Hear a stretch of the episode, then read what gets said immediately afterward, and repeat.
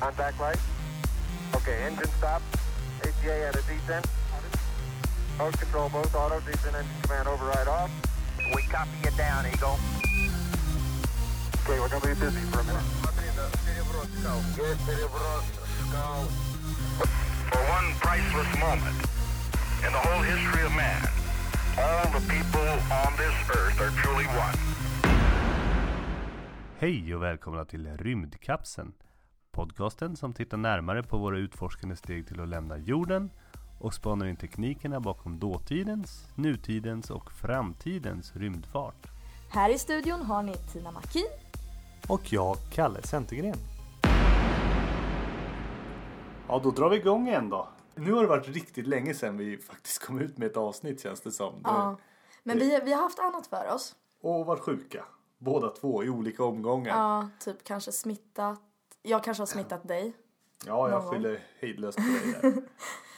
Och så förkyld, då är det inte bra att göra en podcast. För speciellt för de här avsnitten tar generellt lite, lite längre tid än ett, ett avsnitt. Liksom. Vi, får, Ja. vi får träffas flera dagar och spela in dem. Och då om man helt plötsligt en är jättehes i ena avsnittet. Det är helt hopplöst. Flera dagar, det är väl ändå en liten överdrift ändå. Men förra gången när jag var Förra gången var väldigt tre. hes och vi hade spelat in Ja, det gick ju inte att innan klippa jag var helt klar så var... Så om vi är lite hostiga så får ni ha förutseende med det. Men eh, vad, vad har vi gjort, vad har vi gjort sen, sen eh, sista? ja men vi har ju varit på bio Det har vi varit. och Eh, sett First Man Just det. som handlar om Apollo 11.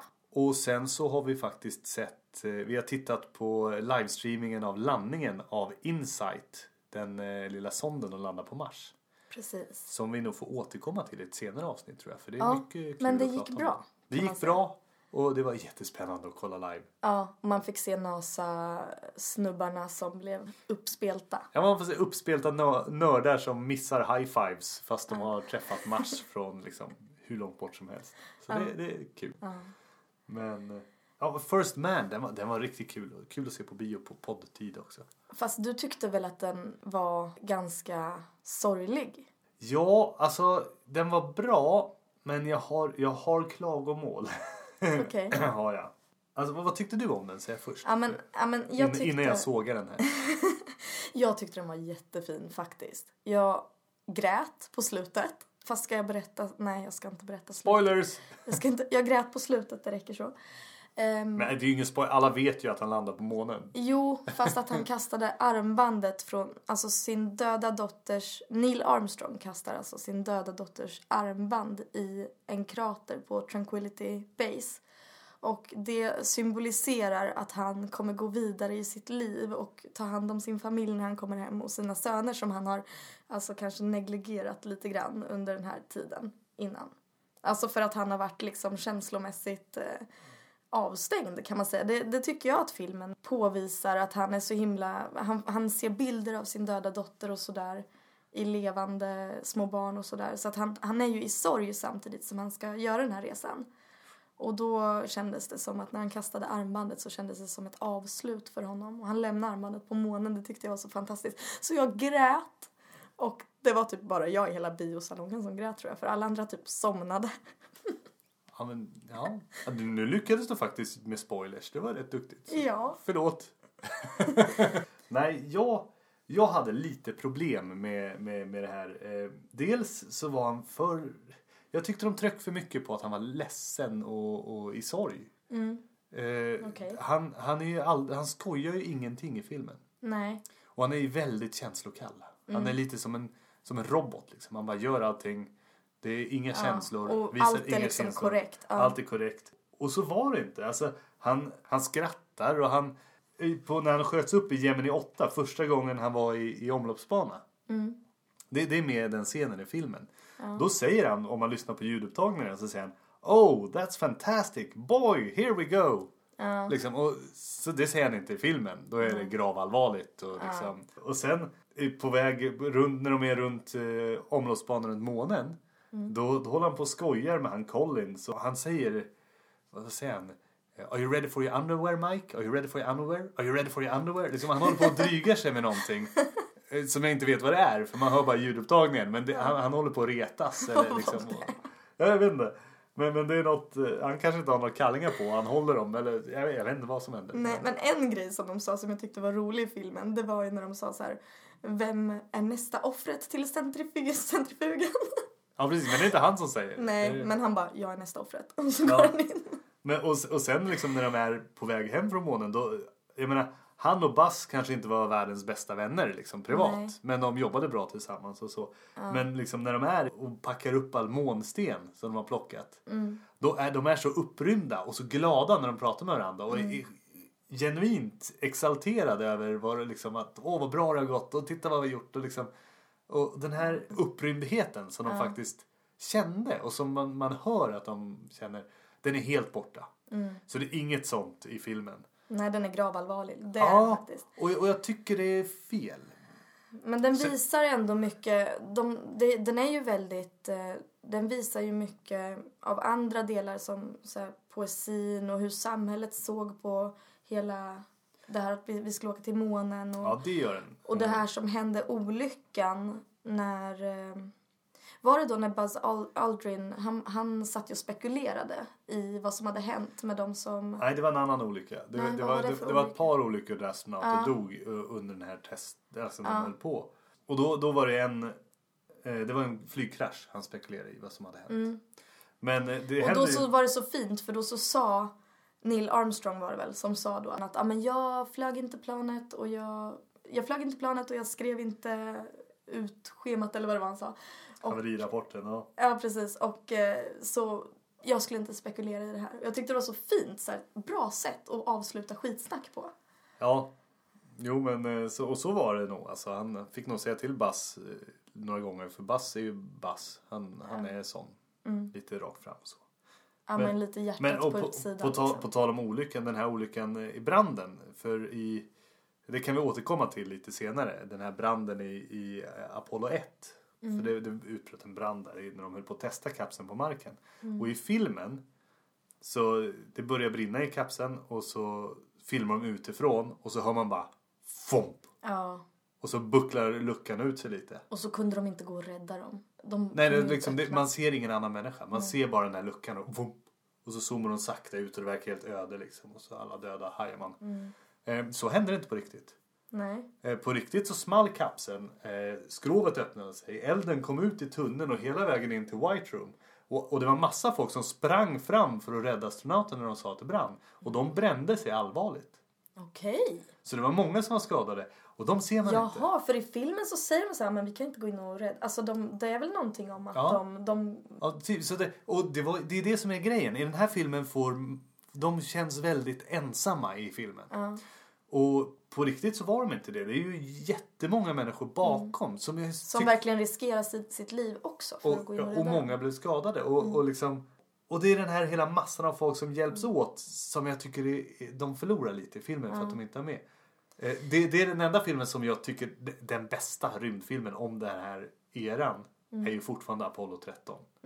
Jag tycker Apollo 13 den gör det här mycket bättre. Den är fantastisk. Men den här var bra. Det, Den- jag den tyckte bra. verkligen den här var bra. Eh, och jag, jag tyckte också om när de sa, efter den här olyckan så var det någon som sa till Neil Armstrong att eh, ja, men är du verkligen beredd att sätta livet till för att göra det här ungefär? Och han bara, det har vi ju redan gjort. Folk har redan dött. Ja, Så det sa han på riktigt. Finns Ja. Mm. det på records någonstans. det var fint tyckte jag. Något annat? Om filmen? Nej, vi, vi kan ju säga att det, det här avsnittet då efter vi såg den här filmen beslöt vi att vi får ta det här avsnittet och berätta om Apollo-programmet. Ja. Och månfärden. Så det, det är det det här kommer handla om. Eh, om folk inte redan hajar det. Ja, för vi ville gå tillbaka lite till liksom vart allting började egentligen. Jo, och det, det är också det. Vi, vi, det är det här man jämför alla kommande uppdrag med. Mm. Alltså, allt som händer i rymden, det tittar man tillbaka. Den här raketen, hur stor är den raketen Mm. då? Den ska bygga. Den är så stor jämfört med månraketen. Så allt vi jämför, jämför vi med månlandningarna. På sätt och vis så fanns det ju inget intresse, inget stort intresse från USAs sida eh, för rymden innan de började inse att eh, ryssarna låg framför dem, att de låg efter. Det var då som man började säga, men nu måste vi börja lägga pengar. Ja men så är det. Alltså det finns ju aldrig intresse för något som man tror att vi inte kan göra. Nej, Och det är lite så det är nu också. Alltså rymden är något, det är något vi gjorde. Det är inget vi kan göra nu. Och det är därför det inte finns så mycket intresse om att kolonisera Mars till exempel. Det, går, det är ju science fiction, det kan vi inte göra. Finns det bara Mm. Det intresse? gjordes ju, det har ju redan gjorts Ja, ja men liksom. precis. Det Finns är det bara bevisat intresse att det så går. kan vi göra det.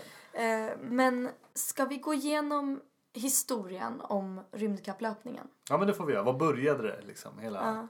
Som, För- Det här som kulminerade med månlandningen, vilket det faktiskt gjorde. 4 oktober 1957 så kom det en signal från rymden, från Sputnik, som ryssarna hade skickat upp. Jajamän. Eh, den kan vi faktiskt, den har jag inspelad så den kan vi spela upp här. Yes. Så låter den. Det var en satellit som kretsade runt jorden och eh, med en radiosändare ombord. Den vägde 80 kilo och den gjorde ett kretslopp på 90 minuter. Mm. Ungefär. Runt jorden på 90 minuter. Det är nästan Mm. som en bok från Jules Verne. Ja. Och det var det första. 80 dagar. Ja. Det var det första som... som och, och då kände USA, va? kände de. Ja, För det har shit. aldrig varit... Jag tror inte liksom Kina kommer långt senare. Det, och Sverige, alltså vi har bara tittat på. Vi har varit åskådare. Eh, så det har varit Ryssland och USA. Och USA började känna, va? Har de fått upp någonting i rymden? Och här står vi på jorden liksom. Det de var Eh, rädda för var ju att de skulle släppa en bomb på dem uppifrån rymden. Ja. För då kan de inte skydda sig mot det. Nej men sådär, precis. Många militära anledningar liksom. Som drev, som drivkraft. Eh, en månad senare, i november 1957 då, så skickade ryssarna upp Sputnik 2. Den vägde 500 kilo och den hade en högsta höjd på 1500 kilometer över jordytan. Och den åkte i 8000 meter per sekund. Och det bästa med den, det var att den hade rymdhunden Laika ombord. Ja, det var det eh, värsta med den, inte det bästa. Ja, ja, men det bästa, det var väldigt eh, revolu- revolutionerande liksom. Också ombord så hade den eh, instrument som mätte blodtryck och hjärtverksamhet. Och det skickades med radiosändare till, eh, till jorden, de uppgifterna. Så, Och sen förgiftade de Laika i omloppsbana. med de eh, instrumenten de hade. Nej, de, de hade gift i maten tydligen. Men eh, alltså som de började ge... eh, Nej, för hon skulle ju vara, de hade ju ingen chans att få ner henne. Så istället för att de skulle svälta ihjäl och dö plågsamt så hade de mat med gift i. Men redan från början, alltså jag tänker om de ska mäta hjärtfrekvensen och allting så kanske de vill ha adekvata svar. De kan ja, de hade, nej, nej, men de hade väl säkert lite mat som inte var gift och sen så kom hon till maten med gift och då dog hon. Ja. Jag har faktiskt hört att hon inte hade gift också så jag vet inte vad som är sant. En var att de förgiftade maten så hon dog efter ett tag. En andra var att de faktiskt svalt ihjäl och dog av typ Ja. Ja, Det är sorgligt där, svaghet. men det tar ju ändå forskningen framåt. Och bara för att det är en hund så tycker man att det är synd, men om det hade varit en gris, vad hade man tyckt då? Då hade man sagt den ska vi äta imorgon till nej, frukost. synd om till grisen också. Kvällsmat. Ja, det är det. Men ehm, det, det, det vart ett slag mot USAs självförtroende ordentligt. Det var fruktansvärt för USA. Och eh, de hade ju, då hade Sovjet både försprång i kärnvapenkapplöpningen och i rymdkapplöpningen. Och de hade ju några bärraketer, eh, Sovjet, som heter ICBM. Som står för interkontinental ballistisk missil, eller hur? Ja, Ehm. nästan en rymdraket. Den kan nästan åka ut i omloppsbana. Den åker ut i rymden men inte ut i omloppsbana. Och de var liksom mycket starkare med mycket bättre lyftkraft än, än vad amerikanerna hade. Det var, det var ju en, det var ICBM. Det var, det var en sån som de skickade upp allting med. Det var alltså Ja. en kontinental missil. Ja. Och så hade de lagt på toppen av den la de en, ett till raketsteg. Som puttade upp den i, Ja, i så då kom den ut i Precis. omloppsbana. Så, men de kunde också använda de här till eh, sina, alltså för att kunna helt enkelt kriga. Ja, de var ju till för det från början. Så bara kom de på att om vi sätter en till liten raket uppe på den här raketen då kan vi faktiskt åka upp i omloppsbana. Ja, Och det kunde för de här var ju utvecklade för kriget. Jajamän. De skulle bära kärnladdningar då. Det är ju helt... Men, men sen så utvecklade de, lärde de sig utveckla mindre vätebomber. Så då, men de, då hade de ändå liksom, ja men nu har vi tagit oss till rymden ungefär. Så, Ja, precis. Deras, deras atombomber var väldigt tunga ryssarna. och Mm. Det var därför de behövde väldigt stora, inte, inte kontinentala, in, ICBMs. interkontinentala. kan man säga missiler. Ehm, ja, och då när USA och världen började märka att eh, Ryssland var så långt fram så började Eisenhower få massa kritik. Ja, det var presidenten i USA vid det tillfället. Ja. Mm. Ehm, och det gjorde att han tyckte liksom att nu måste vi satsa stort på att få den här kapplöpningen att eh, vara de som leder. Men det var ändå liksom, han var inte så himla, alltså han hade inga riktiga motiv, han hade bara militära motiv. Eh, och han var ändå så ambivalent och så här, ja men Ah, måste vi göra det här? Och han hade till och med någon kollega som sa typ, alltså som jämförde det här med att ja men vadå, det är ju som att ha en baseballmatch i rymden liksom. Vad, vad ska det här vara bra för? Varför ska vi tävla om det här? Men Nixon hade ett mycket mer i, i efterhand i alla fall så säger man att han hade mycket mer, mer grundläggande motiv som var att eh, eh, om en stor nation ger upp tävlingen att utforska det okända så upphör den nationen att vara stor. Ja, säger Nixon ja. Nu i efterhand. Ja, precis. Det, det här Nixon var ju inte... Då hade både Eisenhower och eh, Kennedy liksom lagt grunden och betalat allting. Så då är det lätt att komma och vara lite efterdryg så. Efterklok. Ja, no, nej, jag ger inte så mycket för vad Nixon säger där. Han var, Efterdryg. han var politiker. Jo, men det var han ju verkligen. Ehm, men det drog igång och 6 december 1957 så hade USA sitt första uppskjutningsförsök och det misslyckades och det var en Vanguard-raket. Rocket, rocket. Och, men, men, och då, det var så här inför öppen ridå, inför tv och press och alltihopa. Och, och Sovjet, där, där redovisade de ju bara sina framgångar och Ja. inte sina motgångar. Nej, precis. Så de tyckte det var jobbigt. Så här, Jaha, här ska vi behöva visa upp våra misslyckanden och så ser det ut som att det går ännu sämre för oss men egentligen så händer det här i Sovjet också. Jo, så är det. Men 31 januari 1958 så fick de upp Explorer 1, satelliten.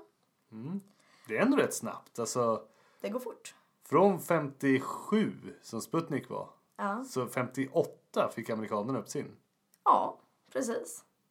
Det är ju sjukt snabbt dock. Från att ligga efter. Alltså de ligger ju efter fortfarande men det, det är bra jobbat. Ja, mm. De la ju pengar på det. Men sen så, eftersom att de fortfarande låg efter, så vädjade Kennedy i ett tal till eh, ryssarna 1961 om ett rymdsamarbete. Det är lite Jaha. som det som finns nu. Nu finns det ju ett rymdsamarbete, men han, han ville ha det då.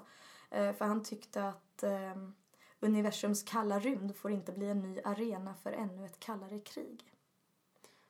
Men jaha, det visste inte jag. Så Kennedy ville samarbeta med ryssarna för att han låg efter såklart. Ja, och han bara åh jag vill, jag vill vara med, kan inte vi samarbeta, det skulle vara så bra för alla. Och de bara, och det vill man göra när man ligger efter liksom. Men de som låg före de bara, men va, varför skulle vi vilja samarbeta? Vi klarar oss utan dig och vi får prestige och vi får allt det här liksom. Så nej, vi vill inte ha med dig. Så det är lite typiskt så när man ligger före eller efter. Så ja, de ville inte samarbeta. Ehm, 12 april 1961 så eh, gjorde Yuri Gagarin den första rymdfärden i, Just det, i det är, historien. det är en stor punkt. Det här, alltså mänskligheten ändrade sig, hävdar jag, efter 12 april 1961. Det var då vi tog våra första steg ut i kosmos. Så det är en stor händelse. Den ska vi säga med pomp och ståt och gärna lite eko på. Men han gick ju inte av och tog några steg. Utan, Nej, nej, men liksom ja, metaphorically speaking. ja, jo Ja. men verkligen. En timme och 29 minuter. Och hans avstånd från jorden var 302 kilometer. Mm. Men det var ju lite därför som, som eh, de kom på sen i USA att okej, ja men rymdfärd det är en grej men att verkligen göra en rymdvandring det måste bli vårt nästa mål liksom. Ja, precis. Det, det är så de som chansen att liksom, okej, nu har både ryssarna varit i rymden Mm. eh, nu har amerikanerna varit i rymden efter. Då tänkte de, då ska vi slå dem på att vara först och vara utanför kapseln. Vi ska göra en rymdpromenad först. Mm. Ja, Det var deras chans för att, för att slå dem på någonting. precis. Och hur gick det? Nej men liksom i den här i den här desperata kapplöpningen så bara hur ska vi göra? Nu har han till och med varit ute i rymden, Gagarin och vi är ju efter och vi kommer ju liksom för grejen är så här att om man är efter så är man den som får säga okej till de som bestämmer reglerna lite grann. Och USA går ju, är ju inte alls de tänker ju att Ryssland vill göra något väldigt fientligt och vill starta liksom dåliga grejer i rymden. Medans, eh, så att det är liksom en fientlig flagg. Medan eh, USA vill, vill göra något fredligt. Och därför vill de ju vara först så att de får bestämma. Och det är ju därför som det är så desperat liksom. Och då så utvecklade NASA en lista med steg som hade så här en... Eh, det var olika grejer som man kunde tänka sig att man kunde göra, vad man skulle satsa pengar på. Eh, det var längre enmansrymdfärder runt jorden, rymdfarkoster för två personer, rymdlabb, rymdfärd runt månen, månlandning och eh, i de första stegen så gjordes det klart att man inte hade möjlighet att komma före Sovjet på grund av att eh, de var så överlägsna med deras bärraketers kapacitet. Så då kom man på att, eh, eller Kennedy fattade då beslutet att ja men då ska vi landa på månen och gå av där helt enkelt. Ja precis, då, det är ett så stort steg. Det är ett så stort steg teknikmässigt så båda får börja om på nytt. Det krävs nya raketer, det krävs, allting krävs nytt. Så då om man säger det här ska vi göra om de andra inte är beredda på det. Då börjar båda om på noll med utvecklingen och då har man en chans att slå dem. Precis. Så det var ju ganska smart. Ja men verkligen. Och, eh, de, de kostnaderna uppskattades till 20 miljarder dollar. Ehm, och det var många då som tänkte att de pengarna borde användas i kampen mot fattigdom och för bättre skolor typ. Eller något annat. Vi har ju problem på jorden liksom.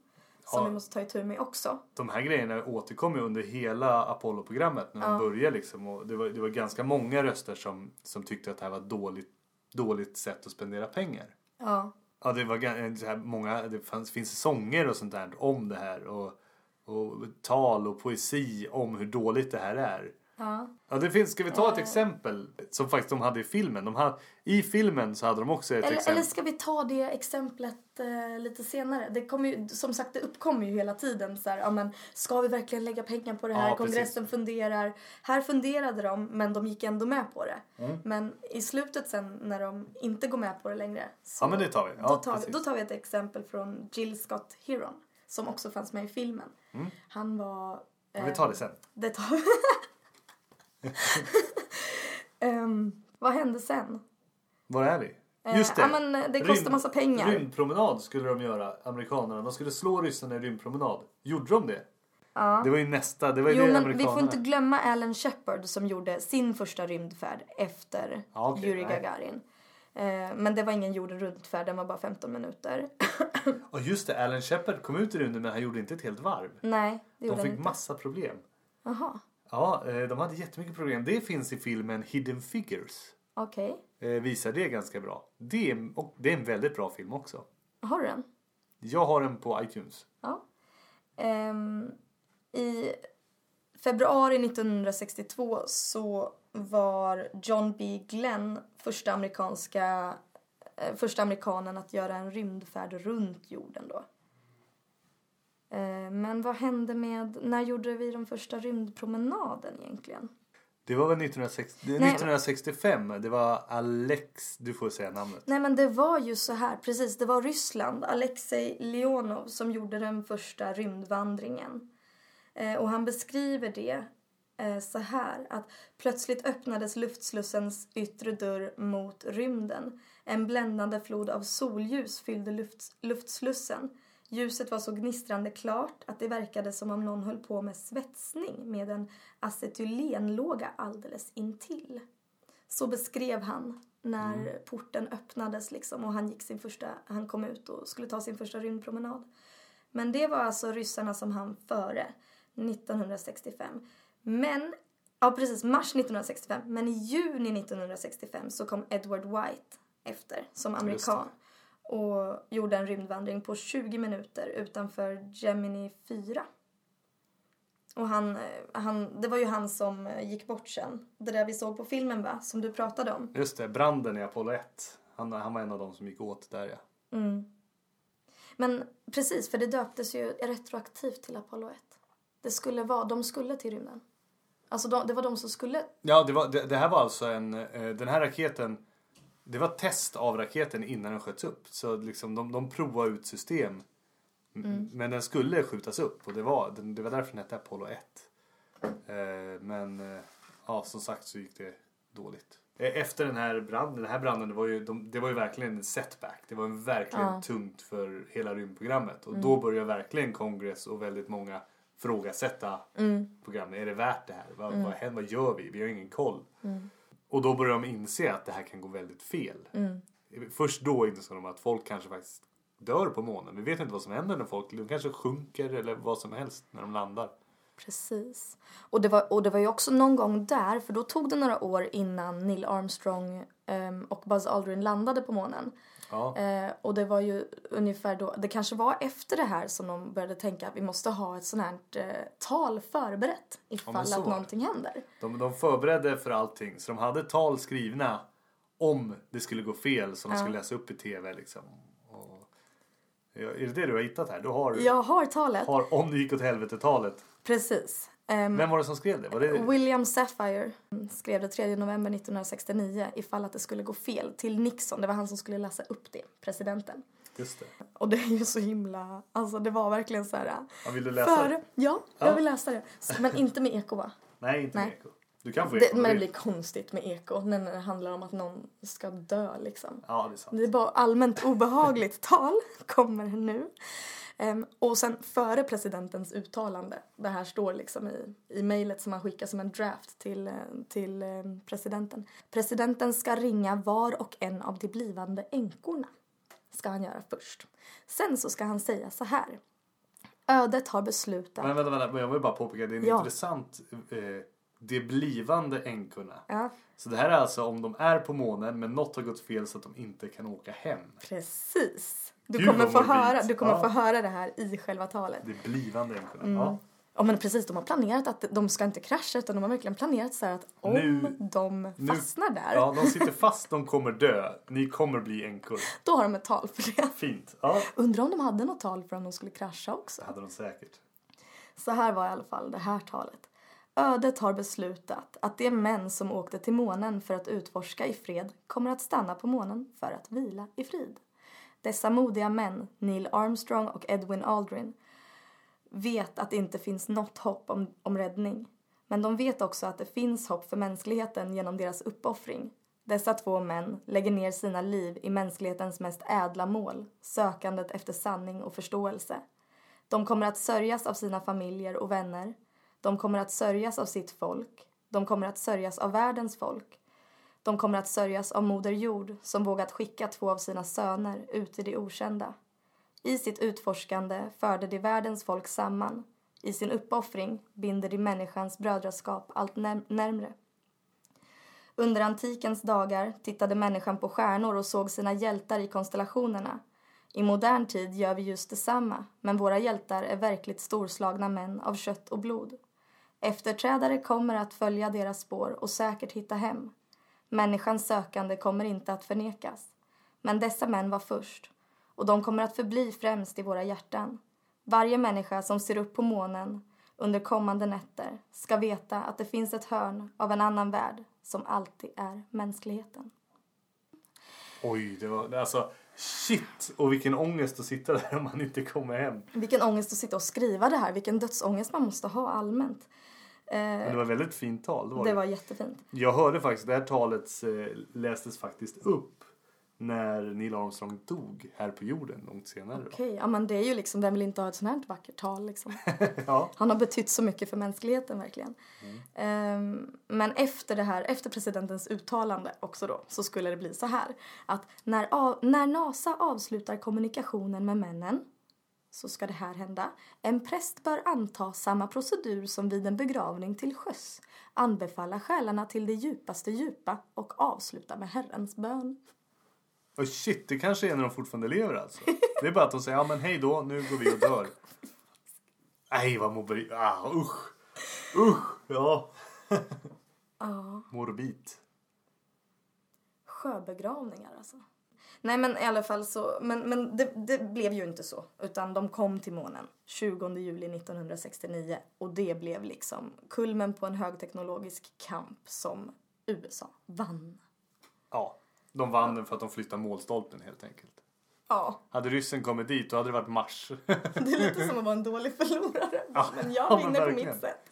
Ja, fast, ja. Och för, för anledningen till att det var så mycket prestige i, i det här med, med rymdprogrammet. Det var, ju, det var ju nästan som vilken ideologi är bäst? Vilken tar mänskligheten fram av våra två ideologier? Är det kommunismen? Eller är det kapitalismen? Och liksom, Och det var det som, så amerikanerna såg det att de var efter på att kapitalismen inte var lika bra Ja, på att ta mänskligheten framåt. Och det var därför det stack så mycket i ögonen. De var tvungna att bevisa till varje pris att kapitalismen är bättre. Och, och det roliga är att de, de gör det ju på ett väldigt socialistiskt sätt när liksom det är skattepengar som går till det här.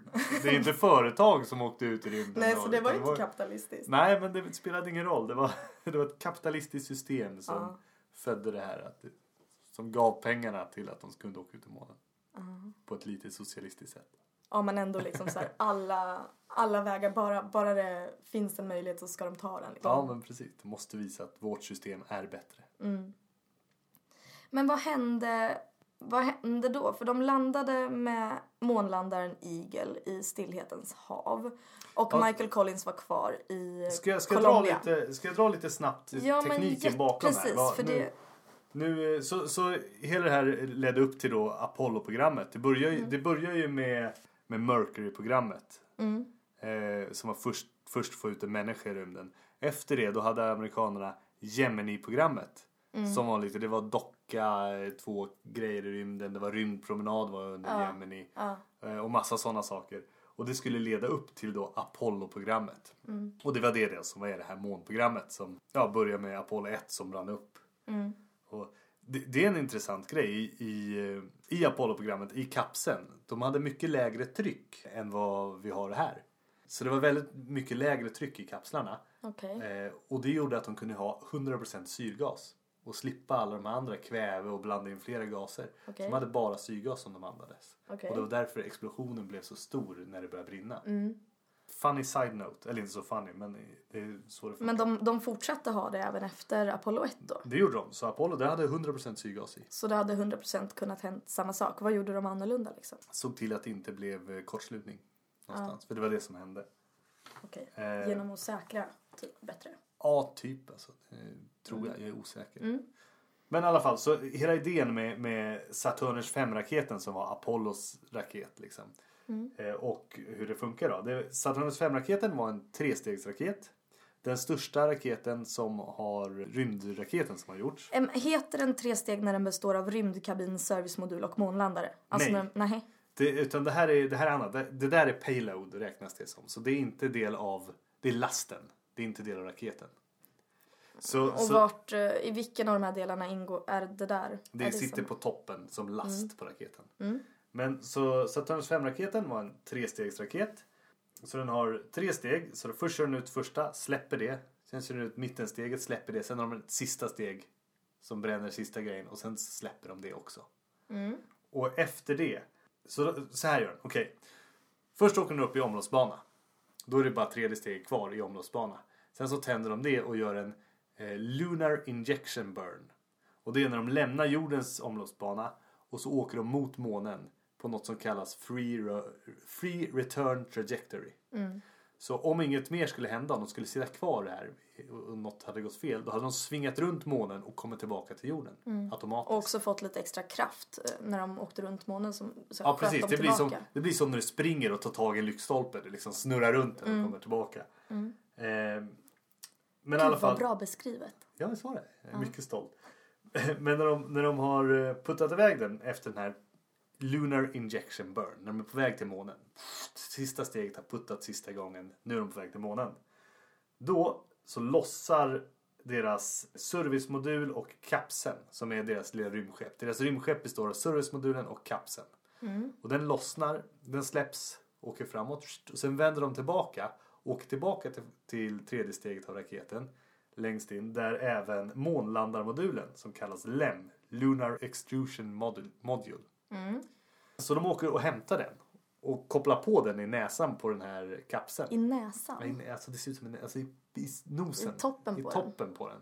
Så klickar de i den i en liten, De dockar. de dockar. Ja. Och så drar de ut den. Så då består deras rymdskepp då av alltså månlandaren, eh, deras kapsel och sen servicemodulen. Och servicemodulen, där har de allt syre de behöver, Men allting. det här andra fortsätter åka i omloppsbana runt... Nej, det här, nu, nu är det här övre steget och det här är på väg till månen. Så det här är på vägen till månen de gör det här. Just det, de behöver bara raketerna på väg upp. Sen kommer de få en free tra- trajectory. Just det. Precis, men, men de har en stor motor på sin servicemodul. Eh, som de kommer använda för att sätta sig i, i omloppsbana. De kommer bromsa när de kommer fram till månen så att de inte åker tillbaka till jorden. Eh, så nu åker de hela det här paketet. Och när de kommer fram till månen så bromsar de. Så att de hamnar i omloppsbanan runt månen. Och sen när de är runt omloppsbanan runt månen. Då kliver Buzz Aldrin och Neil Armstrong över till månlandaren. Och Michael Collins sitter kvar i, service, eller i kapseln med servicemodulen. I moderskeppet. Ja, det blir som ett moderskepp. Sen kopplar de loss månlandaren. Och Neil och Buzz tar den, bromsar ytterligare. Så de bromsar upp ur månens omloppsbana och faller ner mot månens yta med den här månlandaren då. Och sen så åker de ner och ska landa på Och sen månen. händer det ju någonting. Så här. Ja, vi kan, jag, jag tycker ju vi gör så här helt enkelt. Nu lyssnar vi på, för det finns ljud, inspelat ljud i radiokommunikationen. Ja, men det är vi. Så vi lyssnar på radiokommunikationen med månlandaren och jorden. Och sen kan du beskriva. Ja, så, Och det så, där- så kan vi pausa den och Kommer så du förklarar upp det här också med att Åh, vi har bara 15 liter bränsle kvar. Ja, precis. Men jag kan ta det när det kommer. Ja, men så bra. förklarar jag vad det är vi hör lite. Yes. Då kommer det här. Good Eagle, how do you read? Bye bye, Eagle. We're standing by for your burn report, over. Vi ska nog säga det att månlandaren heter Eagle. Och eh, här hörde vi precis eh, månlandaren ropa till Houston. Det är NASA på jorden, deras kontrollcenter. Hur hörs vi? Och då svarar de, vi hör er femma. We read you five. Vi väntar på eh, rapporten från hur, hur eh, det gick att köra motorn tidigare. Roger, the burn was on time. The residuals before nulling, minus point one, minus point four, minus point one. X and Z null to zero. Här svarar då månlandaren att eh, motorn brann i, i tid när den skulle. Och så läser de upp lite värden som är kvar, typ bränsle, hur mycket bränsle som gick åt och lite sånt här.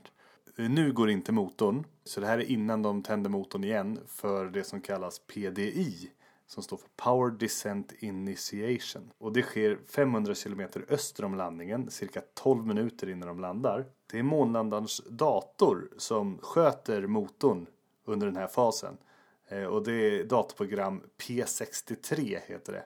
Som, som körs då. Som kontrollerar när de ska börja eh, bränna med motorn. Och när de ska stänga av. Och hur de riktar den liksom månaden på vägen ner. Det programmet börjar de köra cirka 9 minuter innan de startar motorn. Och de fortsätter ungefär i 9 minuter att köra det här programmet. Eagle Houston, we rig you now. You're go for PDI, over. Roger, understand. Ja, det här är ju Houston säger You are go for PDI. Ni, det, ni är klart för att eh, börja nedstigningen till månens yta. Så här får de klartecken att börja landningen kan man säga. Lights on.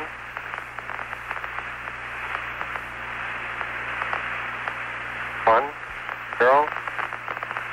Ignition 10%. Lights on, det är alltså han ser att lampan för att motorn brinner har tänts och han läser tillbaka att motorn går på 10% som, som den ska. Minutes, 20 seconds, everything looking good. We show altitude about 47,000 feet. Good radar data. Altitude now 33,500 feet.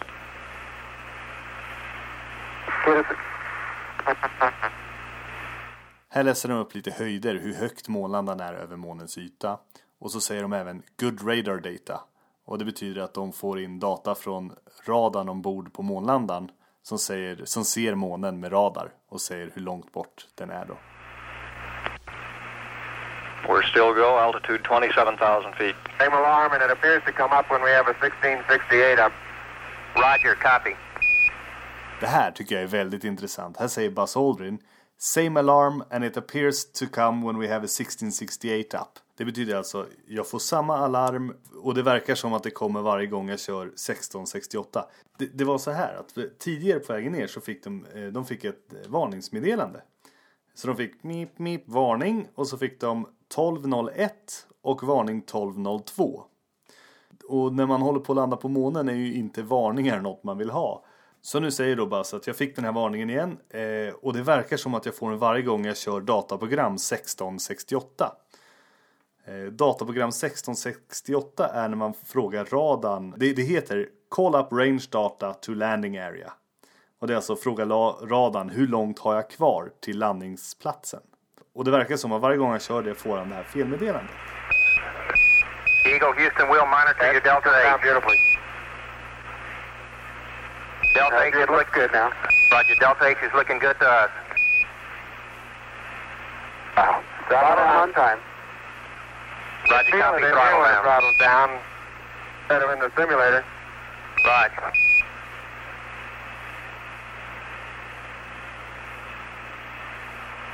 Eggs and things look real close.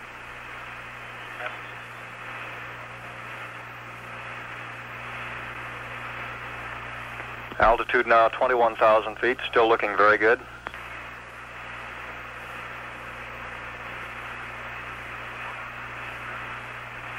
Velocity down now to 1,200 feet per second. You're looking great to us, Eagle. Okay, I'm still on flu, uh, so we may tend to lose as we gradually pitch over. Let me try auto again now, see what happens. Roger. Okay, looks like it's holding. Roger, we got good data. Här säger Buzz, I'm still in slow, so we might lose it when we pitch over. Let me try to put it in auto again. Och det han pratar om, det är radarn. Så när de är på väg ner nu, eh, så manuellt så, eh, så sköter han radarn för att hålla koll på vad moderskeppet är. Så om de behöver avbryta så att de kan hitta det snabbt igen för att docka. Och den finns i ett autoläge när de själv försöker hitta moderskeppet och hålla koll på den. Och när den är slow så gör han det manuellt, riktar radarn. Och nu så kommer de tilta landan mer, mer upprätt. Landan kör då landningsprogram P64. Men, men då när den gör det så kan han tappa den, så då slår han tillbaka den på auton, att den själv försöker hitta moderskeppet då, radarn det som är intressant här är att det här felet han hade tidigare, 1201 och 1202, det har att göra, det vet de inte nu, men det har att göra med just den radarn och slow-funktionen eller autofunktionen. Eh, så det kommer komma ett till sånt fel alldeles nu. We're go, same type, we're go. Så alltså, we're go, same type, we're go. Alltså det, det, vi får fortsätta, det är samma fel, vi får fortsätta, allt är lugnt. Nu undrar ni säkert, vad är då det här 1201 och 1202 felet? Jo, det har jag tagit reda på, men jag måste förklara lite om hur månlandans dator funkar. Eh, den var ganska basic datorn. Eh, så månlandans dator kunde processera en kodsträng åt gången. Så. Den hade alltid serie så om det nu kommer in flera program, de kunde köra flera program samtidigt men processorn klarar bara att läsa ett program åt gången. Eh, och då hade den något som kallas för core sets. Eh, det är som parkeringsplatser där bitar av kod kan parkeras medan den väntar på att processorn ska bli klar med ett annan bit av kod. Och den som bestämmer vilka program som ska köras, det är ett program som heter The Executive, alltså chefen och sen tar ny, ny, ny inkommande kodbitar. Så här. Det här programmet eh, måste köras för motorn. Då lägger han det i en köplats med en hög priordning till exempel. Sen kommer ett program. Det här programmet ska styra radarantennen eller ta hand om radardata. Då lägger den det på en kanske lägre prioriterad plats. Och så betar processorn av de här kodsnuttarna som ligger på parkeringsplatserna. Och de har då tänkt att det ska aldrig kunna ta slut för eh, processorn är så här snabb och så här många datainputs kommer komma hela tiden. Så det här ska aldrig bli fullt, hade de räknat ut då. Fast här kommer problemet. Radarn skulle inte skicka några eh, programsnuttar till processorn när den var i slow mode. Men det gjorde den för det var ett designfel i den. Så den skickade hela tiden data. Och det var inte jättemycket men det var tillräckligt för att fylla upp de kvarvarande platserna. Så utrymmet blev fullt och Executive-programmet kunde inte lägga nya inkommande program på någon, någon plats för alla parkeringsplatserna var fulla. Och då triggades 1201 alarmet som betyder Executive Overflow No Core Sets och 1202 Executive Overflow No Vac Areas. Och det betyder parkeringsplatsen är fulla och då startade datorn om helt enkelt. Den stängde ner, tömde alla coresets så det blev tomt oavsett prioritet och viktighet. Och sen så startar den upp igen. Men det här skedde så snabbt så de hann inte förlora någon navigeringsdata. Så den kunde bara, den förlorade kanske någon halv sekunds av, av eh, kontroll. Men så var den tillbaka igen och körde och allt var kvar. Så all navigeringsdata. Så det, det var tur. Så de, de, visste fortfarande var de var och sådär. Eh, och det här hände flera gånger på vägen ner. Och NASA tänkte, ja men det, det verkar funka, vi kör på i alla fall. Eh, men de visste inte vad som skapade felet och varför det kom.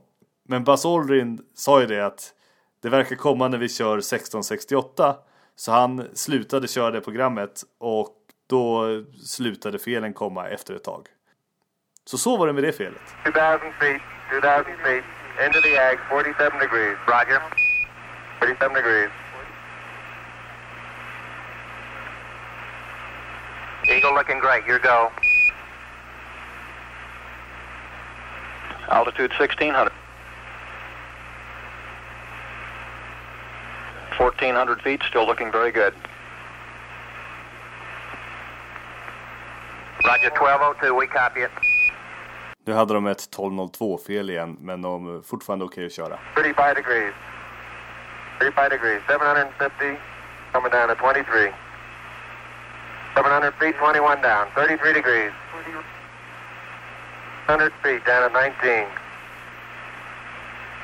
540 feet down at 30 and at 15. Nu är de alltså 500 fot från månens yta. Så här tänker jag eh, vara tyst så får ni höra på resten, sista skedet av landningen. Så pratar jag efter det igen, för nu är det spännande. 400 feet down at 9. Gate forward.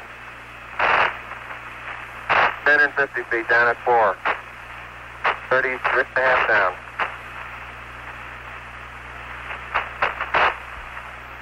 They're uh, pegged on uh, horizontal velocity.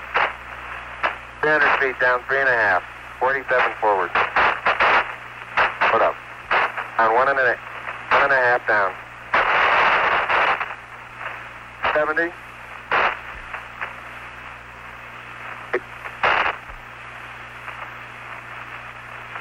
The shadow out there. 50 down at two and a half. 19 forward. Altitude, velocity light. Three and a half down. 220 feet. 13 forward. 11 forward, coming down nicely. 200 feet. Four and a half down. Five and a half down.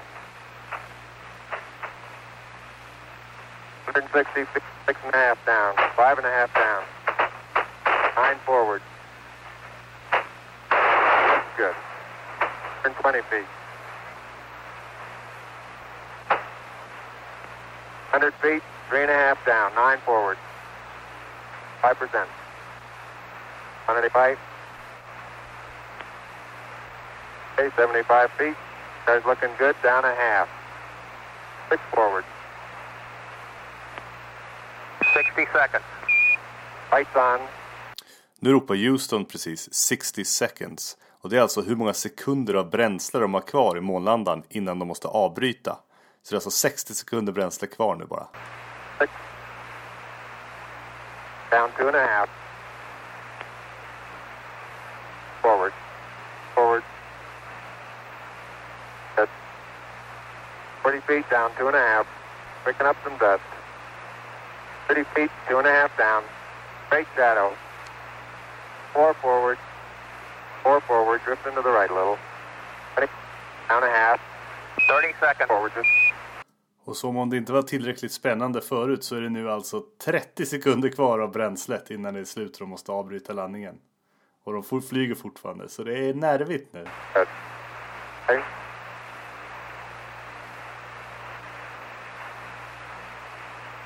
Contact light. Okay, engine stop. APA at a descent. Mode control both auto, descent engine command override off. Engine arm off. 413 is in. We copy you down, Eagle. Listen, uh, Tranquility Base here. The Eagle has landed. Roger, Twin Tranquility. We copy you on the ground. You got a bunch of guys about to turn blue. We're breathing again. Thanks a lot. Thank you. You're looking good here. Okay, we're to be busy for a minute. Nej, jag tycker det är så spännande. Det är så nervigt. Åh, jag får gåshud varje gång jag lyssnar på det där. Eh, och det, det som jag tycker är så coolt här också. Alla säger, när man säger ja, vad var det första som sades på månen? Säger många, I mean, one small step for man. Nej, det var inte det första de sa när de landade. Och om man frågar vad är det första när de landar då? Då säger folk, ja, ah, eh, Tranquility Base here, the Eagle has landed. Fast det är inte det första som de säger som man hör. Vad är det första då? Det första är ju Contact light OK engines off. Som de just sa. Con- contact light. ja precis, det, kon, det de sa där, contact light. Det är alltså, de har en en meter sticka ungefär. Alltså en, en liten pinne som sticker ner. Under landan. För de var oroliga för att när de kom för nära månens yta. Så skulle trycket bli för stort i raketmotorn. Och den kunde explodera. Så tanken var att när den här pinnen som sticker ner lite mer nuddar månytan. Då ska de slå av motorn. Så att inte trycket bygger upp så Och mycket. så engines off. Och sen så, ja precis. Men grejen är, de, han var så koncentrerad, Neil, så han hörde inte contact light. Han hörde inte att Buzz sa det. Nej. Så han flög hela vägen ner tills han kände att den var på månen. Mm. Och då så säger han okej, engines off och så slår han av motorn. Eh, Men de nuddar ju månen med den här stickan. Så contact light, när Buzz Aldrin säger contact light. Så han då, vågade typ inte tro det förrän han kunde Jag tror inte han hörde. det. Han var, så, Nej. han, var så no, han var så inne i det. Men sen så efter det så sa, så sa de ett litet steg för människan, ett jättekliv för mänskligheten. Ja, när de gjorde sin rymdpromenad sen efteråt. Det var många timmar efteråt. Just det. När han går av, är det det han säger? Men det har ju jag... Eh, det har jag inte skrivit ner. Aj, aj, eller ofullständiga show notes här. Men vadå, så när de hade sitt telefonsamtal med Nixon? Det var långt, det var långt, ringde långt senare. Okej, Då, det var, precis. De går ju av. De är ju ganska exalterade och skyndar sig av liksom. Ja, fast de, tog ganska lång tid och det Ja, säger de också. de, de, tar ju, de, de gick ju ändå ifrån schemat lite grann och gick av lite tidigare. Jo, det gjorde de. de eh, det gjorde de. Men de, de sa det också precis när de hade landat så hörde man ju, de sa ju det. Okej, we're gonna be busy for a minute. De säger till liksom allt chatt i bakgrunden bara tyst, vi har saker att göra här. Ja, liksom, just det. Alla pratar. Men det här med ett litet, steg, ett litet steg för människan, ett jättekliv för mänskligheten. Det tycker jag att vi klipper in. Ja, men det gör vi. That's one small step for man, one giant leap for mankind.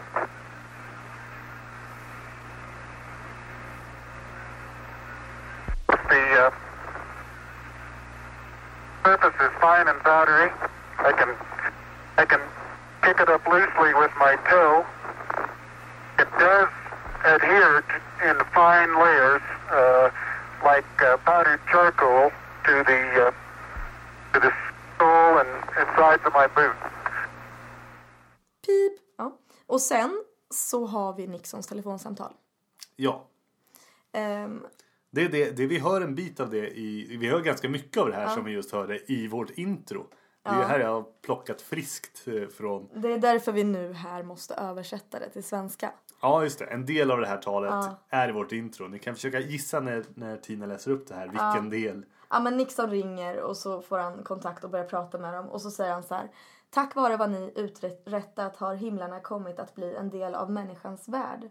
Och när ni talar till oss från stillhetens hav inspireras vi att fördubbla våra ansträngningar och bringa fred och lugn till jorden.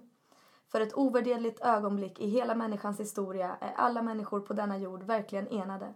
Enade i sin stolthet över vad ni gjort och enade i våra böner att ni kommer tillbaka till jorden i säkert behåll. Och så säger Armstrong. Tack, herr president. Det är en stor ära och ett privilegium för oss att vara här och representera inte bara Förenta Staterna utan fredligt folk från alla nationer med intresse och ny- nyfikenhet och framtidstro. Det är en ära för oss att kunna delta här idag. Jag tycker att det här telefonsamtalet är ju så väldigt bara politiskt. Jag, alltså visst det är ett väldigt fint tal men man hör ju. Det det- känns lite fake på något Ja sätt. men det är ju så väldigt fejk. Han snackar ju inte med dem. Jag hade frågat, hur, hur, hur känns det att gå på månen? Vad låter det? Är det som snö? Eller är det liksom som gå på en strand? Jag hade frågat massa sådana saker. Han frågar bara, han bara läser upp sitt tal. Nej, det, det är så amerikanskt plastigt så jag vet Ja, inte. de- det där är lite för mycket. Men jag tror också att här, han var tvungen att göra det. Hade det varit Kennedy så hade det blivit mycket mer personligt. Men Tror Ken- det? Kennedy var död. Ja, det tror jag absolut. Ja. Sen så kanske vi ska avsluta själva historien med att säga att eh, 19 december 1972 så var det punkt för Apollo. Ja, då, hade, då hade Congress fått nog. Då ville de inte ge mer pengar. Nej, precis. Ehm, Apollo 17 besättning tog med sig över 100 kilo faktiskt. Prover från månens ma- materia. Men det var inte ens så att någon från jorden tyckte att det var, alltså det var så här blasé bara, jaha, men vad är det för intressant med det? Gör något nytt liksom. Så det var inte så att, man, man slutade ju betala för rymdpro, alltså för månen, månprojektet. Men man gjorde andra satsningar istället i rymden. Och det är ju lite det vi fortsätter med nu också. Och vi Ja, Apollo har dockat med och- Soyuz, ryska Soyuz. Eh, det gjorde de första gången 1975 och det gör de nu på rutin liksom. Och att det Ja. mer, så nu har det blivit ett rymdsamarbete som inte alls, alltså det vi har beskrivit nu med historien och allting var att det var en kamp mellan dem. Nu kan vi ändå säga att så här, slutet på historien är att vi samarbetar ganska bra. Eller världens ledare samarbetar ganska bra när det kommer till rymden. Det är sant. Det, så är det ju. Eh, och det, var, och det roliga, att det hela den här att, att kongress inte ville lägga mer på att åka till månen och fortsätta. Det fanns en plan att vi skulle till Mars och vidare. Liksom. Det var det var tanken var det. Ja. Men eh, det, var, det var så mycket. Alltså USA på den här tiden hade väldigt mycket andra problem. Och det var ju ganska mycket protester. Det var folk utanför Cape Canaveral där vid, vid Florida så var det protester. Alltså folk slog upp kamp, alltså läger och bara protesterade mot det här som, eh, som de tyckte var slöseri med skattepengar. Då. Jo men och det var ju då också kongressen på något, kon- kongressen på något sätt kunde erkänna att det här är orimligt, vi kan inte lägga mer pengar på det här. Eh, utan vi måste prioritera andra satsningar i rymden och vi måste också prioritera våra egna problem som svält och fattigdom och sjukdomar och sånt som de, Segre- det här folket... segregation, Ja, vi kan inte prata längre. Och sånt som det här, och jag kan inte heller prata längre. Men och sånt som det här folket, alltså som folkets röst, lyssna till den på något sätt. Och eh, då var det en samhällskritiker som är typ USAs största. Han är liksom jättemed i alla såna här diskussioner och han är poet. Och han heter Jill Scott Heron och han eh, blev ju lite uppläst i filmen. Och så ska Ja just det, det är nu har hans, vi hans översatt- rap. Nu har vi översatt hans dikt. Ja, Du har översatt hans dikt. beat poem, Och den vad är, du heter har det? översatt den jättebra. White is on the moon heter den på engelska. Jag översatte men jag ville inte läsa upp den för jag tyckte det var pinsamt. Men, så- du, men det är bra ändå. Det blir jättebra. Jag tycker så här, vi kommer inte rappa oss igenom den här. Och vi kommer inte ha så här gettodialekt eller någonting som de hade. För att det finns inget getto i Sverige, det är bara att inse det. Och det finns nästan ingen segregation heller. Eller det finns, nu ska vi inte... Det finns absolut problem. Men det här som han pratar om är något annat. Och det är en väldigt så desperat... ett, eh, Men, ska vi läsa den här alltså, både du och jag? Så att jag tar varannan mening. Ska ta? Det spelar ingen roll, vi kan göra så. Jag tycker det. Ja, du tycker det. Men, men han läser den ju, han är ju bara en som läser. Vill du läsa den själv då? Nej, absolut inte. Jag vet. Du tycker så här, oh poesi. Du blir lite så här Ah. nervig. Men jag tycker det här är viktigt för att Ja. ge en helhetsbild av hur, Ja, alltså okej. hela rymdprogrammet. Jag tycker inte det är något man kan Ja, ja, ja. Vi, gör, vi blir av med det här. Nu, vi river av plåstret. Eh, Jag läser det rakt ja, det, av. det här då ska vara läst med ett, beat på, trummor eller något. Och så ska det vara En arg röst. en arg röst och så är det en persons läsare, Så, inte så två. ska det vara och nu blir det lite annorlunda. Men jag hoppas att ni förstår andemeningen ändå. Men då kör vi. Kör. En råtta bet min syster Stella. Med vit man som går på månen. Hennes ansikte har nu börjat att svälla. Och vit man går på månen. Vi kan inte betala Stellas sjukhusräkning. Men vit man går på månen. I år framöver ligger vi på gränsen till vräkning. Medan vit man går på månen. Och igår kväll höjde staten hyran för vårt hus. För vit man går på månen. Inget varmvatten, toalett eller elektriskt ljus. Men vit man går på månen. Man tycker att dessa skatter borde räcka. Fast vit man går på månen. Jag betalar redan flera hundra per vecka. Med vit man som går på månen. Skatten tar hela min jävla lön. Bor bland pundares klagande bön. Pris på mat går bara upp. Och utöver allt, och trots min inkomstkälla, så bet en råtta min syster Stella. Vit man går på månen. Hennes ansikte har nu börjat att svälla. Och vit man är på månen. Gick alla pengar jag tjänat tidigare i år? Till vit man på månen. Hur kommer det sig att det inte finns några pengar där här nere? Hmm, vit man går på månen. Jag har nu fått mer än nog. Av vit man som går på månen. Jag tror nog att jag tar och skickar Stellas sjukhusräkning.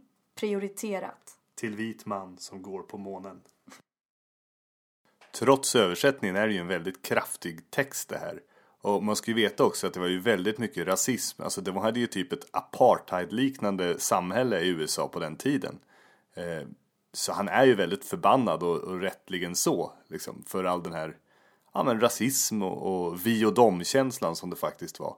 Nej men alltså det är verkligen ett stort problem vi har. Varför ska man överhuvudtaget hålla på och skilja eh, på oss? Alltså de här mörkhyade som jobbade på NASA under den här tiden. De fick ju gå på andra toaletter. Åh, oh, har du inte sett Alltså, Det har är, det är stort filmen, problem. Hidden Figure. Du måste se Hidden Ja, det var Figure. två gånger. Nej, det är tre. Men det är på riktigt. Alltså, så filmen är liksom Ja, det är verklighets- om tre personer som fanns. okej. Men den här dikten och så, den är väldigt känslofull och liksom, det känns som att ja, men han har en poäng. Mm. Men det stämmer inte. Och kongress hade fel. Alltså Mm. det finns jättemånga studier gjorda på det här om, om pengar de har lagt på månprogrammet. Ja. Och det har kommit fram till att för varje dollar de la på månprogrammet, Så fick de åtta tillbaks, eller hur? åtta tillbaks. Mm. I, bara för att det blev så mycket nya teknologier. De fick ju uppfinna nya teknologier och nya material. Mm. Och det blev nya... nya jobb och Det blev, nya, tillväxt. det blev och... jättemånga företag som bara startades och gjorde nya grejer och de fick in jättemycket pengar i landet. Så för varje dollar de hade spenderat på månlandningen kom åtta tillbaka i ekonomin. Jo men alltså vi vann ju väldigt mycket på det här. Det, det tar faktiskt Kennedy upp i ett, ett eh, tal där han förklarar sina grundläggande motiv lite bättre än i sitt förra, första, första talet handlar bara om vi ska åka till månen och så här mycket kommer det kosta 20 miljarder liksom. Men sen är ett tal som han håller för elever i, på Rice University eh, i Houston i Texas. Då går han mer in på just de här bitarna. Det är ett väldigt fint tal.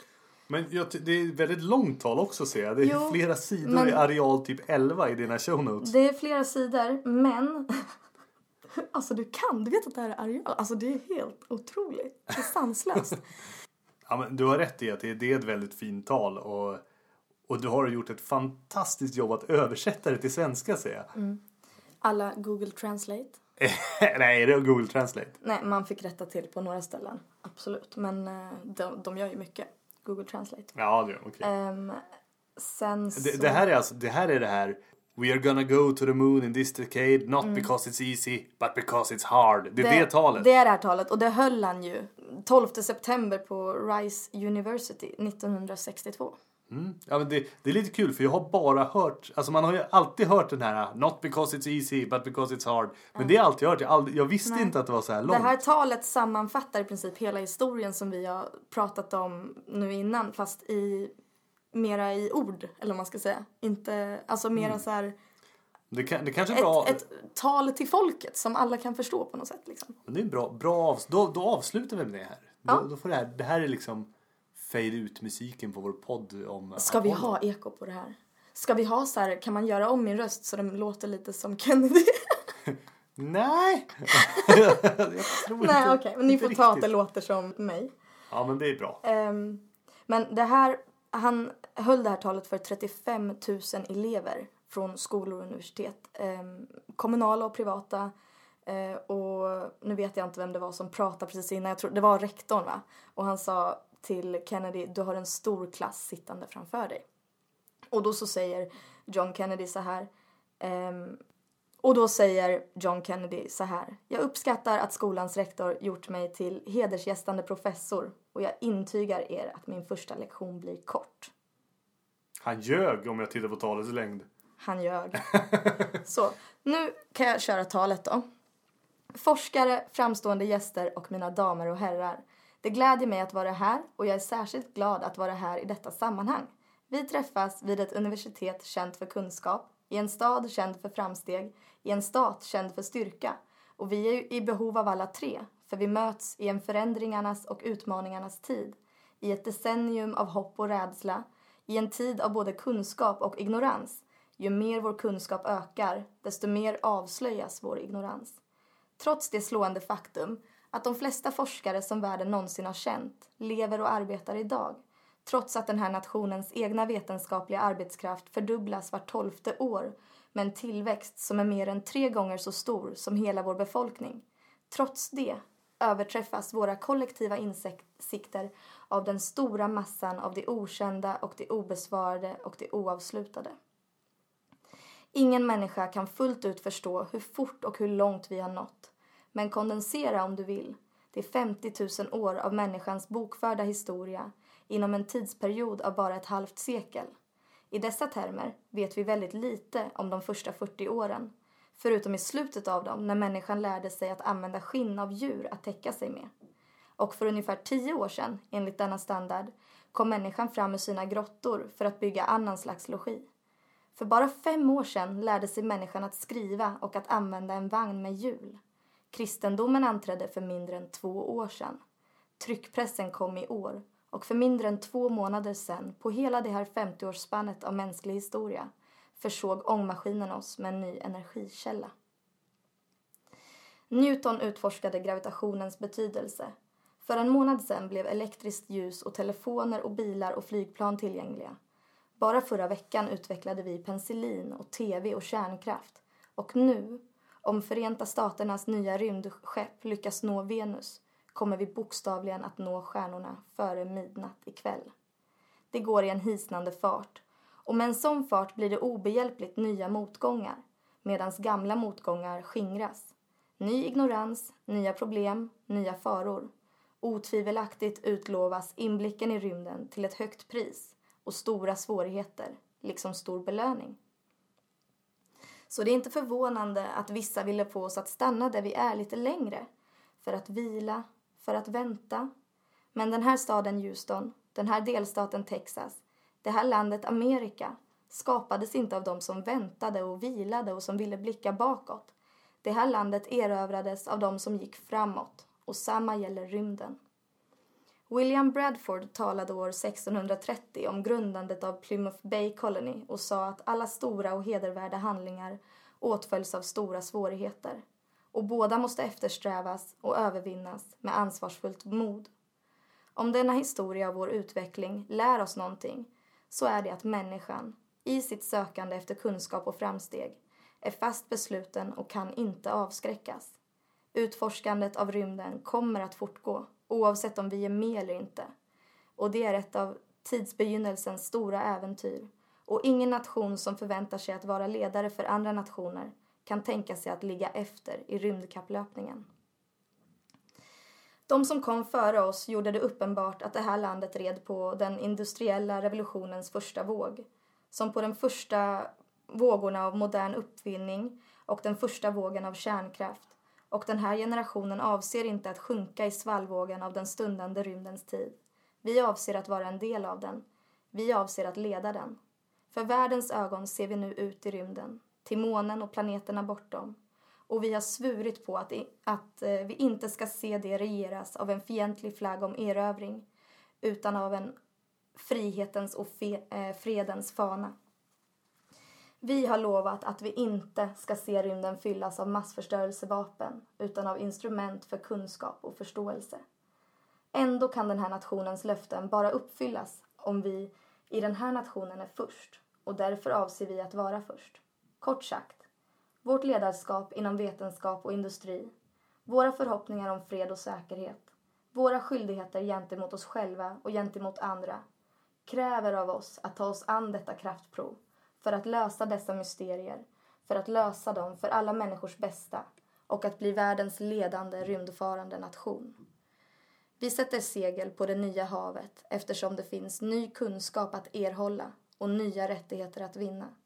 Och det måste vinnas och användas för mänsklighetens utveckling. För att rymdvetenskap, liksom kärnvet kärnvetenskap och all teknologi, har inget eget samvete. Huruvida det blir en kraft för gott eller ont beror på människan. Och bara om Förenta Staterna befinner sig i en förutseende position kan vi hjälpa till att avgöra om denna nya ocean blir ett hav av fred eller en ny skräckenjagande arena för krig.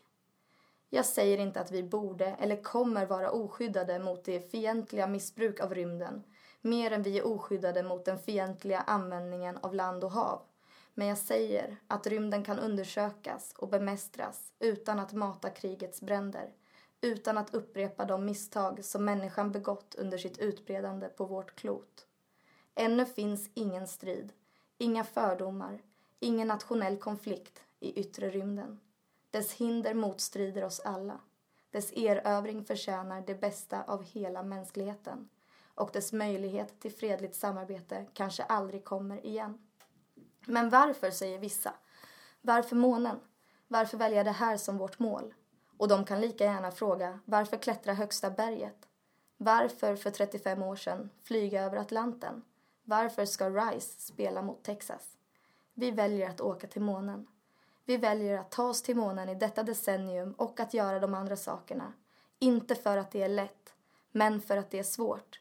För att denna målsättning kommer hjälpa oss att hitta och samla våra bästa krafter och förmågor. För att vi är beredda att ta oss an den utmaningen, men ovilliga att skjuta upp den. Och vi avser att gå i mål, både vad gäller detta och i övrigt. Det är på grund av dessa orsaker som jag anser att fjolårets beslut om att dra upp växeln från lågt till högt vad gäller våra ansträngningar i rymden som ett av de viktigaste besluten att fattas under min tid som president. Under de senaste 24 timmarna har vi sett anläggningar i färd att skapas för den största och mest komplexa expeditionen i, män i människans historia. Vi har känt marken skaka och luften rivas isär i testningen av en Saturn C1-raket. Många gånger kraftfullare än Atlas-bärraketen som sköt upp John Glenn i omloppsbana. Den genererar en effekt som motsvarar 10 000 bilar med plattan i mattan. Vi har sett en plats där F1-raketmotorerna, som är lika kraftfulla som alla åtta motorerna i Atlas-raketen tillsammans, kommer att sammansfogas för att färdigställa den avancerade Saturn-missilen som ska monteras i en ny byggnad som byggs på Cape Canaveral, lika hög som ett 48-våningshus och två gånger så lång som den här fotbollsplanen. Under de senaste 19 månaderna har minst 45 satelliter kretsat runt jorden. Några av dem var gjorda i USA och de var mer avancerade och gav mer kunskap till världens folk än Sovjetunionens. Marinersonden som är på väg till Venus är rymdvetenskapens mest invecklade instrument genom historien. Noggrannheten hos den här sondens bana kan jämföras med att skjuta en missil från Cape Canaveral och landa den i den här stadion mellan 40 yardlinjerna. Transitsatelliter hjälper våra fartyg till sjöss att styra en säkrare kurs. Tiros satelliter har gett oss oöverträffade varningar gällande orkaner och stormar och kommer att göra detsamma för skogsbränder och isberg. Vi har haft våra bakslag, men det är inte vi ensamma om, även om de andra inte erkänner sina och möjligen är deras mindre offentliga. För att vara ärliga så ligger vi efter och kommer att ligga efter under en lång tid i bemannad flygning. Men vi tänker inte stanna där. Under detta, under, under detta decennium ska vi ta oss samman och ta oss framåt. Tillväxten av vår vetenskap och utbildning kommer att berikas av ny kunskap om vårt universum och vår miljö. Genom nya tekniker för lärande och kartläggning och observation, genom nya verktyg och datorer för industri, medicin, det egna hemmet och skolan, teknologiska institutioner såsom RISE kommer att ges skörden av dessa vinster. Och slutligen har rymdinsatsen själv, i sin tidiga barndom, redan skapat ett stort antal nya företag och tiotusentals nya jobb. Rymdindustrin och liknande industrier skapar nya krav på investeringar och kompetent personal. Och denna stad och denna stat och denna region kommer att kraftigt få ta del av denna tillväxt. Vad som en gång var den yttersta utposten på den gamla gränsen i väst kommer att bli den yttersta utposten på den nya för forskning och rymdvetenskap. Er stad Houston med sitt bemannade rymdcenter kommer att bli hjärtat av ett stort ingenjörsvetenskapligt samhälle. Under de närmaste fem åren förväntar sig NASA att fördubbla antalet forskare och ingenjörer inom detta område. Att öka sina utgifter för löner och kostnader till 60 miljoner dollar per år. Att investera cirka 200 miljoner dollar i växt och laboratorieanläggningar och att skriva kontrakt på nya rymdinsatser värda en miljard dollar från detta rymdcenter i denna stad. För att förtydliga så kommer allt detta kosta oss alla en hel del pengar. Det här årets rymdbudget är tre gånger vad det var i januari 1961 och det är större än rymdbudgeten för de senaste åtta åren tillsammans. Den budgeten står nu på 5 400 miljoner dollar om året, en svindlande summa, men något mindre än vad vi betalar för cigaretter och cigarrer varje år. Rymdutgifterna kommer snart att öka, från 40 cent per person per vecka till mer än 50 cent i veckan för varje man, kvinna och barn i Förenta Staterna. För vi har gett detta program en hög nationell prioritet. Även om jag inser att det här i viss mån är en handling buren av tro och vision för vi vet inte nu vilka fördelar som väntar oss. Men om jag skulle säga, medborgare, att vi ska skicka till månen ungefär 384 400 kilometer bort från kontrollstationen i Houston. En jätteraket som är mer än 300 meter lång, längden på den här fotbollsplanen, tillverkad av nya metallblandningar, varav några ännu inte har uppfunnits, som kan stå emot värme och påfrestningar flera gånger mer än vad som någonsin upplevts. Utrustade med en bättre precision än den finaste klockan som bär all utrustning som behövs för framdrivning, vägledning, kontroll, kommunikation, mat och överlevnad på ett obestridligt uppdrag till en okänd himmelskropp och sen återvända den säkert till jorden återinträda in i atmosfären med hastigheter över 40 000 kilometer i timmen vilket orsakar värme motsvarande ungefär hälften av solens temperatur. Nästan lika varmt som det är här idag. Och att göra allt detta och att göra det rätt och att göra det först och innan det här decenniets slut, då måste vi vara järva. Men jag tycker att vi ska göra det och kosta vad det kosta vill. Jag tycker inte att vi borde slösa bort några pengar men att få jobbet gjort. Och detta under 60-talet. Det kan ske medan vissa av er fortfarande går i skolan vid det här universitetet. Det kommer att ske under mandatperioden för några av de personer som sitter här idag. Men det kommer bli av. Och det kommer att ske innan slutet av detta årtionde.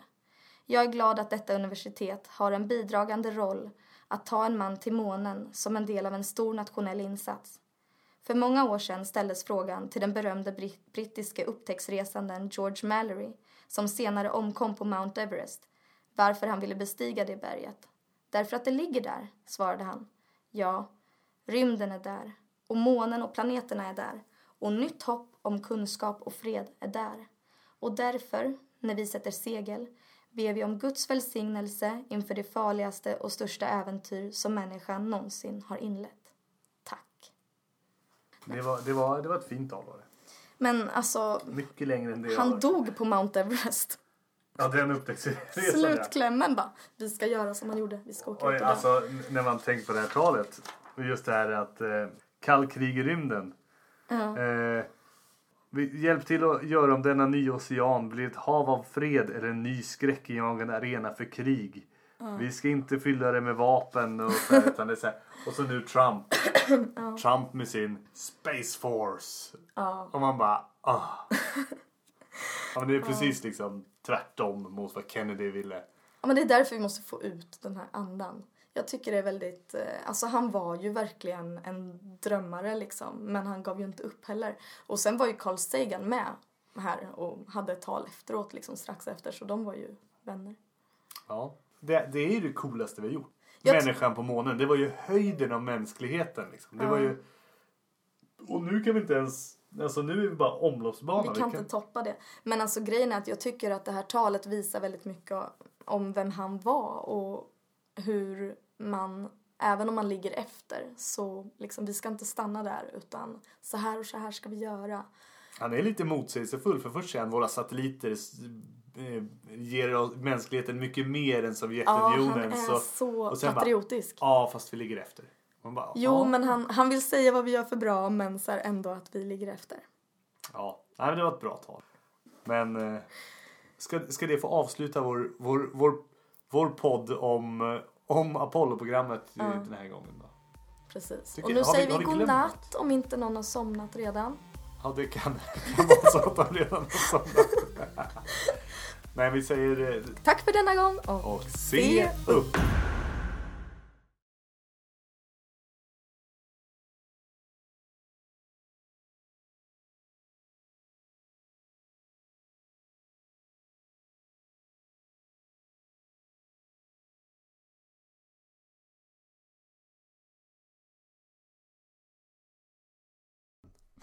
Alltså du är så ond. Är jag Mm, ond? vit man går på månen. Ja, Du är verkligen som en vit man. Alltså, Jag så är en vit man. Han är så dryg. Du är så privilegierad på Ja, något men sätt. hallå. Jag blir arg på dig. Du då? Du är ju... Du kan ju säga det lite ödmjukt. Du, du är kvinnlig iranier. Det är väl också privilegierat? Nej, nu blev det ju lite till och med på snudd rasism.